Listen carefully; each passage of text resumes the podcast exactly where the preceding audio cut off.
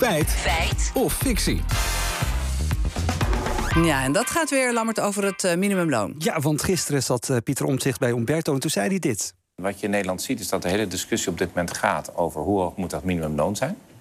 Het minimumloon is in Nederland eigenlijk het hoogste van Europa na Luxemburg. En bijna gelijk met Duitsland. Dus ik zou bij bestaanszekerheid ook eens willen kijken... waarom alles bij ons veel duurder is dan in andere landen. Ja, na Luxemburg het hoogste minimumloon. En in Nederland is alles duurder dan in andere landen. Ja, nou, we beginnen even bij die uh, eerste uitspraak. Die legden we voor aan hoogleraar arbeidsmarkt Ton Wildhagen.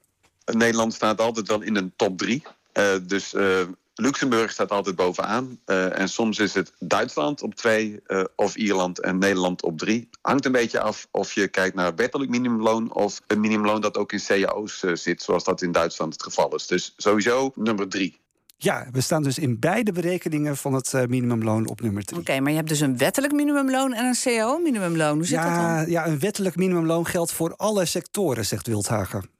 Maar heel veel landen kennen dat niet als zodanig. Dus die, als die al minimumloon hebben, dan wordt dat uh, via de CAO vastgesteld. Uh, Scandinavië doet dat überhaupt. Maar ook Duitsland is uh, begonnen met cao's in de bouw met een minimumloon. Dus als je alleen naar wettelijk kijkt, dan mis je dus landen die dat niet hebben. Oké, okay, en, en hoe hoog is dat minimumloon nu in Nederland? Ja, daarvoor zijn we even te raden gegaan bij Wiljan van den Bergen, universitair docent aan de Universiteit Utrecht bijna 2000 euro per maand, of ongeveer 450 euro per week. Uh, en dat geldt dan voor volwassenen, dus vanaf 21 jaar. En het minimumloon per uur hangt af van wat de standaard werkweek is in jouw sector. Bijvoorbeeld in de supermarktsector is dat 40 uur, maar in de horeca is het 38 uur. Uh, dus per uur is het minimumloon in supermarkten wat lager dan in de horeca. Vanaf volgend jaar wordt dat trouwens gelijk getrokken. Dus dan wordt alles gebaseerd op een 36 uur werkweek. Dus dan wordt het zo'n 13 euro per uur. FNV die wil dat het 16 euro per uur wordt. ChristenUnie wil naar 18 euro. Is ja. dat een goed idee? Nou, je zou misschien zeggen goed plan. Maar Ingrid Thijssen van VNO-NCW zei daar bij WNL op zondag dit over.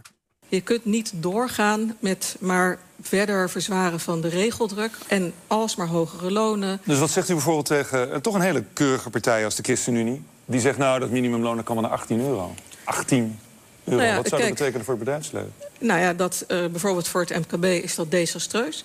He, die gaan daaraan kapot. Universitair docent van den Bergen zegt dit erover.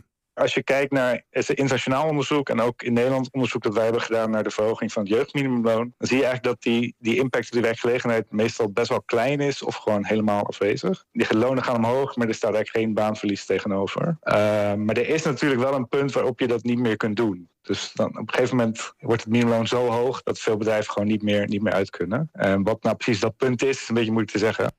En het minimumloon, hangt dat ook samen met koopkracht? Nou nee, want uh, daar staan we niet qua koopkracht op nummer 3 in Europa. Daar staan we op plek 12. Oké, okay, maar klopt het dan, wat Omzicht ook zei, dat Nederland duurder is dan andere landen? Ja, nou we gaan er even dan gemakshalve vanuit dat hij uh, de omliggende landen bedoelde.